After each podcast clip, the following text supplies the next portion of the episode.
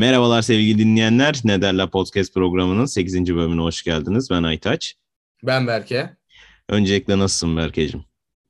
İyidir abi. Sen nasılsın? Keyifler yerinde mi? Yerinde. Yani sağlığımızı korumaya çalışıyoruz bu dönemde. Son 3 senedir olduğu gibi. Neredeyse 3 senedir. E, vaka sayıları da çok arttı. Olabildiğince işte maske, mesafe, temizlik. Aynen öyle dikkat etmeye çalışıyoruz. Sizler de ediniz. Evet. O zaman bugünkü programımıza başlıyoruz. Evet, bekliyoruz. Bugünkü konumuz Süper Lig'de son birkaç senedir yükselişlerini sürdüren Anadolu kulüpleri üzerinde olacak. Özellikle bu sene dört büyüklerin üçünün kötü durumundan yararlanan Anadolu kulüplerimiz şu anda yükselen grafiklerini sürdürüyorlar ve çok iyi konumdalar. Biraz bu konu hakkında bir başlık açalım istedik. Yani şöyle hani çok güzel bir başlık bence bu arada. Kesinlikle de, değinilmesi gereken bir konu. Beşiktaş, Fenerbahçe ve Galatasaray'ın yani kötü değil bence rezalet bu arada. Hı hı. Daha net bir tabirle rezalet geçirdikleri sezonda en azından güzel, nacizane Anadolu kulüplerimizin güzel performansları bizi mutlu ediyor. Evet ve değinilmesi gereken bir sürecin ürünü bu başarılar aslında. Biz de biraz takım bazında bu süreçlerle ve geldikleri konumlarla ilgili konuşacağız bugün programımızda. Evet. Birinci olarak bir Konya başlığı açalım. Yani evet bir de sonuçta Konya hani tekrardan Ahmet Çal'ın mekanı cennet olsun nurlar içinde. Evet buradan Allah. anlıyoruz ve sevgiler evet. yolluyoruz. Ya Konya gerçekten hani bu senenin en sürpriz takımı desek herhalde kimse bir şey diyemez. Evet. Hiç beklemediğimiz bir yerde. Hak ettikleri bir yerdeler de. Evet. Ama dediğimiz gibi bu programda da sürekli değineceğimiz üzere bir sürecin ürünü bu başarılar. Aslında biz Konya'yı e, bu yükselen grafiğinin başlangıcına Aykut Kocaman'a bağlayabiliriz diye düşünüyorum. Evet, kesinlikle katılıyorum ben de. Ben de o zaman soruma geçeyim. Aykut Kocaman ile başlayan Konya yükselişinin meyvelerini şu an İlhan Polut topluyor. Konya'nın yükselişini neye bağlıyorsun? Ya aslında hani e, bu, bu soruyu şöyle cevaplayayım. Bizim klasik Türkiye'de şöyle bir sıkıntı var. Türk Anadolu kulüplerinde şöyle bir sıkıntı var maalesef. E, Avrupa kupasına katılın. Yani Avrupa kupası olmak zorunda değil. Avrupa ön elemesi oynasın. O kulüpler Avrupa'ya bulaştıktan sonra ki süreçler hep tepe taklak oluyor. Mesela yakından örnek vereyim. Akhisar Spor Avrupa e, liginde gruplara kaldı. Ondan sonraki sezon küme düştü. Hatta o sezon küme düştü ve şu anki durumu maalesef ki işler acısı. Aynı şekilde Kardemir Karabük Spor artık hatta Kardemir Karabük Spor yok. Öyle bir kulüp evet. varsa da çok çok alt liglerde çok amatör e, seviyede oynar. Hani bu en azından 2010'dan sonraki vereceğimiz örnekler. Ama mesela Konya Spor 2016 yılında e, Aykut Kocaman önderliğinde Avrupa Ligi'nde bir serüvene yol açtı, e, serüvene girdiler. Aslında çok başarılı bir serüven değildi. Ondan sonra da bayağı bir tökezlediler. Ligde de sıkıntı çektiler. Evet. Ama e, geçen seneyle beraber İlhan Palut'un gelişiyle beraber takım silkelendi ve şu an hani e, üç büyüklerin hatta dört büyüklerin Trabzon yani hatta üç büyükler dört büyükler değil herhangi bir takımın deplasmana gittiğinde abi ben buradan bir puan alayım bana yeter diyeceği bir takım ve buradaki bence en önemli şey de e, bir sisteme bağlı kaldılar ve aynı şekilde sisteme bağlı kalırlar kalırken de taraftarın ilgisini hep sahada tuttular. Sağ dışına yönlendirmediler. Hep sahanın içinde kaldılar. Bu da başarının en büyük etkenlerden biri. Kesinlikle katılıyorum ben de. Ee, biliyorsun bir yapılanmaya da girdiler statları olsun, taraftarı olsun ve bu dediğimiz gibi bir süreç. Konya deplasmanından zaten Aykut Kocaman ile birlikte her zaman e, korkulmuştur. Şampiyonluk yarışındaki takımlar ya da yükselmek isteyen takımlar. Aslında her takım uzun bir zamandır Aykut Kocaman ile birlikte e, Konya deplasmanından çekinir hale gelmişlerdi zaten. Aslında Konya deplasmanından sadece Türk kulüpleri ve Avrupa kulüpleridir. Milli takım bazında da çekiniyorlardır bence. Milli takım çünkü orada çok önemli zaferleri var. En önemlisi de zaten herkesin hatırlayacağı gibi Fransa zaferi. Kesinlikle katılıyorum. Zaten stat e, konusuna değinmemin sebebi biraz da buydu. Yani Konya Stadı'nın yapılanması, Türkiye milli takım maçlarının orada oynanırken ki atmosferi vesaire çok Kesinlikle. etkili oluyor aslında. Takımların ve Konya Spor'un e, maç içindeki performansına diyelim. Evet doğru. Peki ben şöyle de bir soru sorayım sana. Konya'nın değişik bir oyun tarzı var gibi. Gözümüze çarpan ve e, bu oyun tarzı da aslında tuttuğunu Konya'nın başarısıyla görebiliyoruz.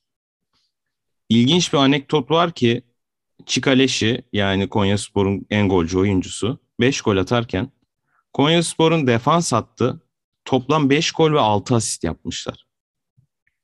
Evet yani bu kolay rastlanır bir bilgi değil. Hatta 5 gol 9 asist. Özür dilerim. Çok fazla. Gerçekten çok fazla. Hani düşününce e, demek ki beklerin yani asist daha çok bek taraflarından gelir. Bekleri ayağa hakim zaten Sukuvic ve Gilerme ligin elit beklerinden ikisi. Oyuna ha, e, şey e, ayaklarına hakim ve oyun oynanırken e, rakip yarı sahayı kullanmayı seviyorlar. Kesinlikle ve stoper Abdülkerim Bardakçı da 3 gol 3 asistle oynuyor. Zaten Aslında- Abdülkerim Bardakçı çok yükselen bir değer. Evet yani e, defansın da aslında artık günümüz futbolunda tekniğinin oyuna katkısının çok önemli olduğunu sadece müdafaa anlamında değil hücum anlamında da çok ciddi rollerinin olduğunun bir örneği. Başarısıyla da görebiliyoruz bence. Oradan başlıyor sonuçta. Out atışı kullanırken hani kaleci hep dik dik olmaz sonuçta defansta yavaşça ayağa paslarla çıkması gerekiyor bir yerden sonra. Güncel futbol bunun üstüne kurulu neredeyse. Doğru evet. E, Yani ligimizde de bu klasik stoper stoper olsun, fizikli olsun ya da işte e, bekler orta açsın gibi kalıplaşmış düşüncelerin dışına çıkarak aslında yeni tekniklerle çok ciddi başarılar elde edilebileceğinin bir kanıtı gibi geliyor bana. Evet.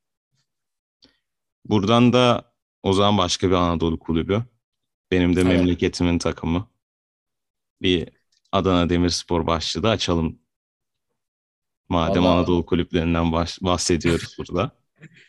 Ya Adana Demir herhalde ligin başına yani lige en hırslı, en e, beklentileri yüksek giren takım desek herhalde kimse bir şey diyemez. Çok hızlı da bir giriş yaptılar. Futbol Aynen. anlamında değil. Yani gündemde oluşları, sürekli Evet. transfer haberleri. Kendilerinden bahsettirdiler ve şu mesajı verdi Demirspor lige başlarken. Ben yeni gelmiş takım gibi öyle yabana atılacak bir takım değilim. Zaten Adanalı, Adanalı ruhu da budur. Ya zaten hani Adana Demir şey, e, ben lige çıktım, e, paramı da harcarım, hiçbir sıkıntım yok ve ben bu ligde kalıcı olmak için buradayım. Hani ben bu sene ligde güzel bir yerde bitiririm ama hani 2-3 sene içinde eğer bir sıkıntım olmazsa şampiyonlukta veya Avrupa'ya gitmede bir, bir şeyleri zorlamakta ben de varım mesajını vererek aslında lige başladı. Ama lige başladıktan sonra e, hiç beklenildiği gibi gitmedi. İşler çok kötü gidiyordu. Evet. Ancak Samet Aybaba ile yollara ayrılıp Vincenzo Montella hoca geldikten sonra takım inanılmaz bir seviyede şu an. E, hücum olarak ligin en iyi 3 takımından biri. Kesinlikle katılıyorum. Ya Zaten bunun Balotelli- mesajlarını da veriyordu. Ve Yapmış zaten olduğu transferler de bunun üstüneydi. Yani ben lige girdiğimde hadi düşmemek için çabalayayım mentalitesiyle gelmediler lige. tabii. Gittiğimiz yere kadar. Hani biz kalıcı bir takım kuralım. Kalmak kolay zaten. Başarı elde edelim düşüncesiyle geldiler ve bu da bir örnek teşkil etmeli bence ligimize yeni gelen takımlar için.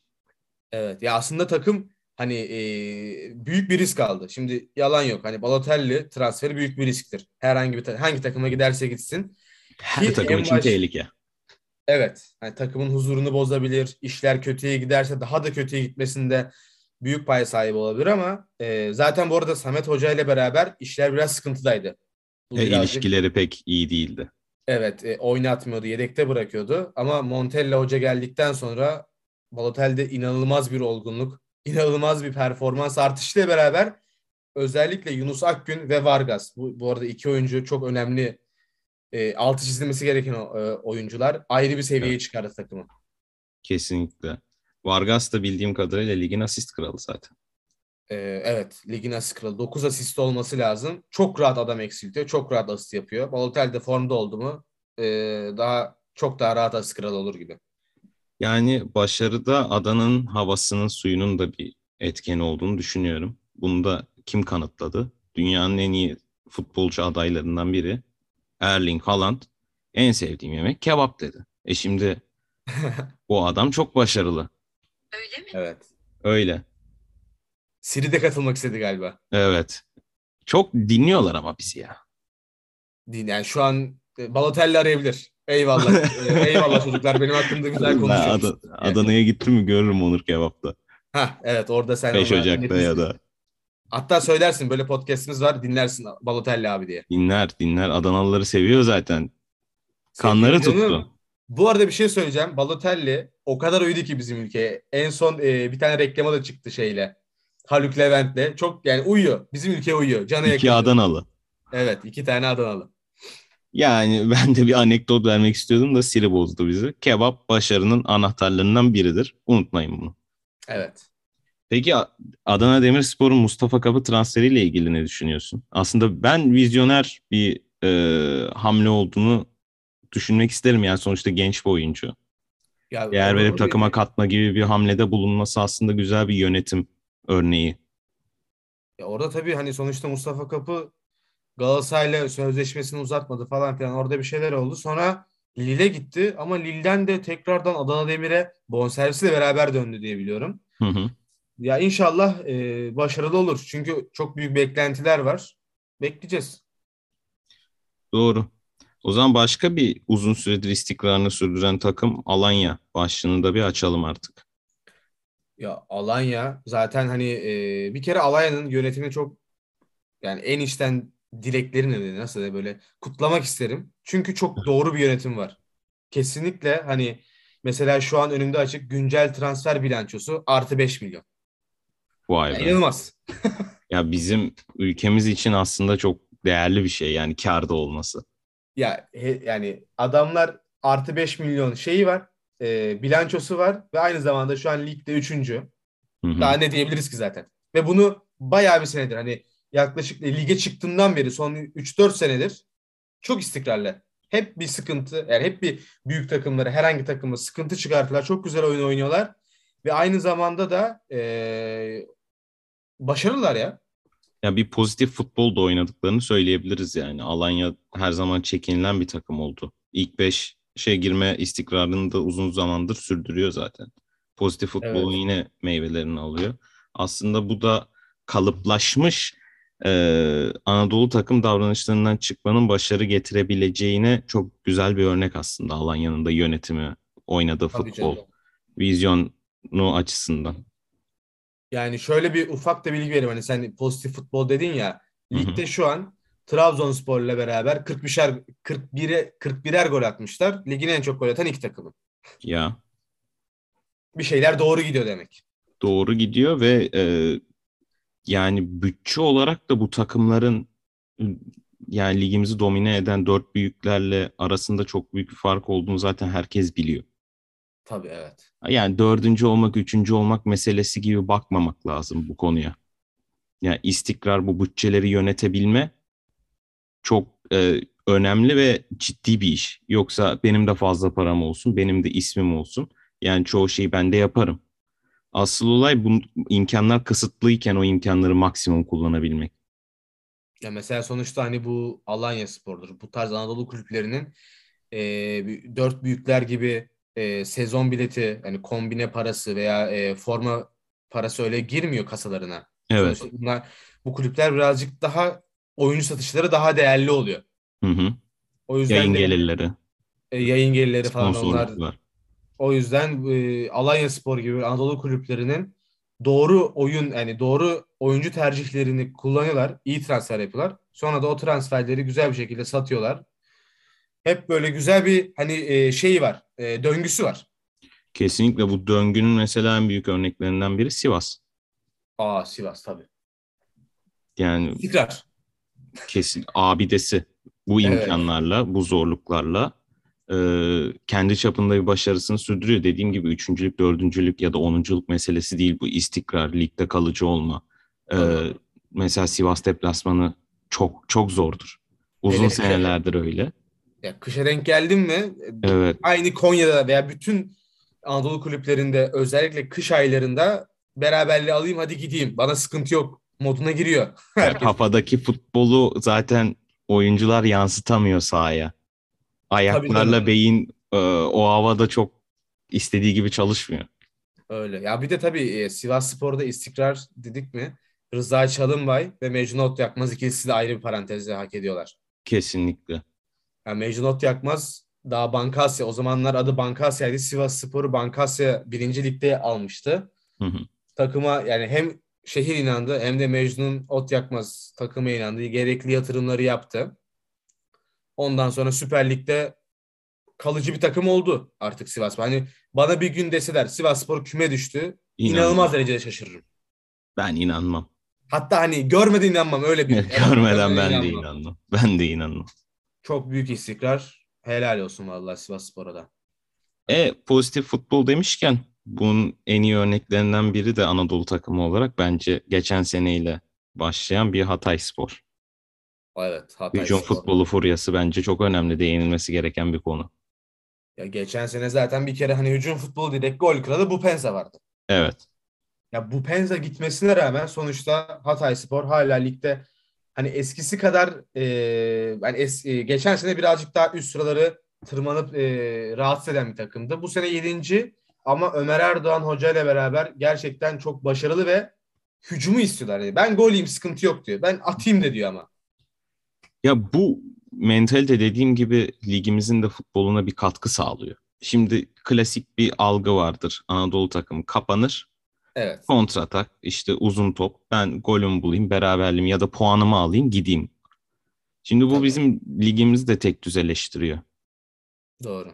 Ama böyle e, nasıl denir ona bilmiyorum ama yani e, deneyerek, hücumu deneyerek, hücumu düşünerek, pozitif bir futbol oynayarak hem seyir zevkini hem de ligimizin futbol kalitesini çok arttırıyor bu takımlar. O yüzden bu takımların gelişimi hem dört büyükler için çok önemli hem de ligimiz için önemli. Aslında hepimiz aynı çatı altındayız ve birlikte gelişiyoruz. Doğru. Ya mesela şöyle 2000 hani 2010'un öncesini alırsak ya baktığımızda 3 4 büyükler Anadolu deplasmana gitti mi çoğunlukla kazanırlardı. Arada da berabere kalırlardı. Çok büyük dominasyonları vardı dört büyüklerin. Ama mesela şu an bakıyorsun son böyle son özellikle 5 seneyi Anadolu deplasmana gitti mi? Dört büyüklerin puan hani beraberlik falan aldı mı? Çok normal karşılanıyor artık. Evet, Anadolu kulüplerinin yükselişi aslında buradan da hani birazcık daha nicel olarak e, kanıtlanıyor. doğru. Yani yine katılıyorum. Evet. Ve üç büyüklerin daha doğrusu dört büyüklerin de e, futbol anlamda futbol anlamında kadro yapılanması bakımından da e, yaklaşımlarını etkiliyorlar. Çünkü artık ciddi bir tehditler. Zaten e, dört büyüklerin dominasyonun olduğu senelerden sonra yani ligde çok bir tehditleri yoktu kendi aralarında olan tehditler dışında. E geldiği durum şu anki puan tablosunda ortada zaten. Evet. Ya Şimdi böyle tehditlerle e, büyük takımların atacağı adımlar aslında ligimiz için de çok ciddi atılımlar ve e, lig puanı işte ülke puanı için önemli adımlar olacaklar. Evet inşallah hani bu uzun bir süre devam eder. O zaman son bir Giresun'un da e, istikrarından bahsedelim. Yani bu sene garip bir istikrarı var. Ya aslında Giresun şöyle ilginç. Bizim klasik Türk futbolunda şöyle bir olay vardır. Bana da nedense her seferinde düşündüğümde çok saçma gelir. Birinci alt ligden birinci lige çıktı mı? Yani işte TF birinci ligden Süper Spor Spor Toto Süper Lig'e çıktı mı? Hemen bir teknik direktörler değiştirilir. Evet. Ya abicim adam seni geçen sene e, uzun bir e, şey sezonun sonunda seni üst lige çıkarmış. Niye hemen herifi yolluyorsunuz? Giresun burada mesela farklılık yaptı. Hakan Keleş'i geçen seneden sonra tuttu. Üstüne çok kötü gitti sezonun başında ki biz bunu dördüncü ya da beşinci podcastimizde de ufak değinmiştik. Çok kötü gitti. Ee, başkan açıkladı çıktı basın toplantısında biz Hakan Hoca'yı göndermiyoruz devam edeceğiz dedi. Şu an Giresun e, düşme potasından çıktı. Pozitif bir oyun oynuyor ve hem Galatasaray hem de Beşiktaş'ı deplasmanda yendi. Ve teknik direktörlerini değiştirdi bu iki büyük takımı. Hah o da var. O da ayrı bir konu tabii. Hatta Fener'in de aslında değiştirdi de evet şeyle dolaylı birazcık. evet biraz dolaylı ama bu da ciddi bir istatistiği aslında Giresunspor. Tabii canım ya. Toparlayacak olursak Anadolu kulüplerimiz bizim değerimiz. Ligimiz için, ülke puanımız için orada yetişen oyuncular bizim için önemli. Bütün ülke için önemli. Üç büyükler için de önemli. O yüzden e, bu gidişatlarını sürdürmelerini diliyoruz. En içten dileklerimizle. Ve son sözlerini almak istiyorum senden. Ya Anadolu kulüplerinin olmadığı bir lig düşün. Düşünemezsin. Düşünemem. Anadolu kulüpleri, Anadolu kulüpleri can, candır. Ee, zaten e, eskisi gibi değil artık insanlar e, sahip çıkıyor. Haklarını savunuyorlar. E, Kesinlikle. spor programlarında da eskiden Hı hı. de savunuyordu ama spor programlarında artık Anadolu kulüplerine daha fazla değer veriliyor. Daha da fazla değer verilmesi gerekiyor. Anadolu kulüplerin e, koruyalım ya. Onlar da onlar da bir bizim bizim değerlerimiz sonuçta. Aslında bu açtığın konu da değinilmesi gereken bir şey yani. Hiç aklımda yoktu bundan bir soru sorabilirim sana son olarak. Hı hı. Programı kapıyorduk ama Evet. hızlıca bir sorayım. Tamam. Ee, eskiden bu spor programlarını izlediğinde izlediğimizde üç büyüklerle, dört büyüklerle ilgili her türlü haber, yorum, eleştiri, işte e, Evet. destek bunları görebiliyorduk. E, gazetelerde de böyle hani e, dört büyüklerin hangi transferleri yaptığını, takımlarında kimi istediğini, dedikodularını her şeyden haberdardık. Ama artık bu Anadolu kulüplerinin e, yükselişiyle birlikte e, onlardan da haber almaya başladık diyeyim. Ya ben eskiden mesela bir program izlediğimde ya da transferlerle ilgili ya da takımlarla ilgili gelişmelere baktığımda Anadolu kulüplerinin ne durumda olduğunu bilmiyordum. Evet. Doğru. E, Şu anda onlar da artık gündeme gelmeye başladılar e, başarılarıyla birlikte. Onlarla ilgili de haberimiz olmaya başladı. Bunlar bizim için önemli futbolumuz için. Tabii medya işte özellikle İstanbul medyası artık farkına vardı diyelim. Zaten Türkiye medyası biraz da İstanbul medyası. E işte hani İstanbul medyası farkına varınca zaten Türkiye medyası da farkına varmış oluyor. Destek çıkalım, koruyalım. Hepsi Evet. bizim takımımız. Aynen öyle. Diyeceklerim bu kadar. Bu kadar. Yorumların için tekrardan teşekkür ederim. Ben teşekkür ederim gene güzel kıvamında hoş bir sohbet yaptık. Siri'ye de teşekkür ederim burada. Ha, O da katıldı evet. O da katıldı. Konuk olarak yazarız. O zaman Ne Derler Podcast programının 8. bölümü sona erdi. Biz dinlediğiniz için teşekkür ederiz. Instagram'dan bizi takip etmeyi unutmayın. Ne Derler Podcast. Kendinize iyi bakın. Görüşmek üzere.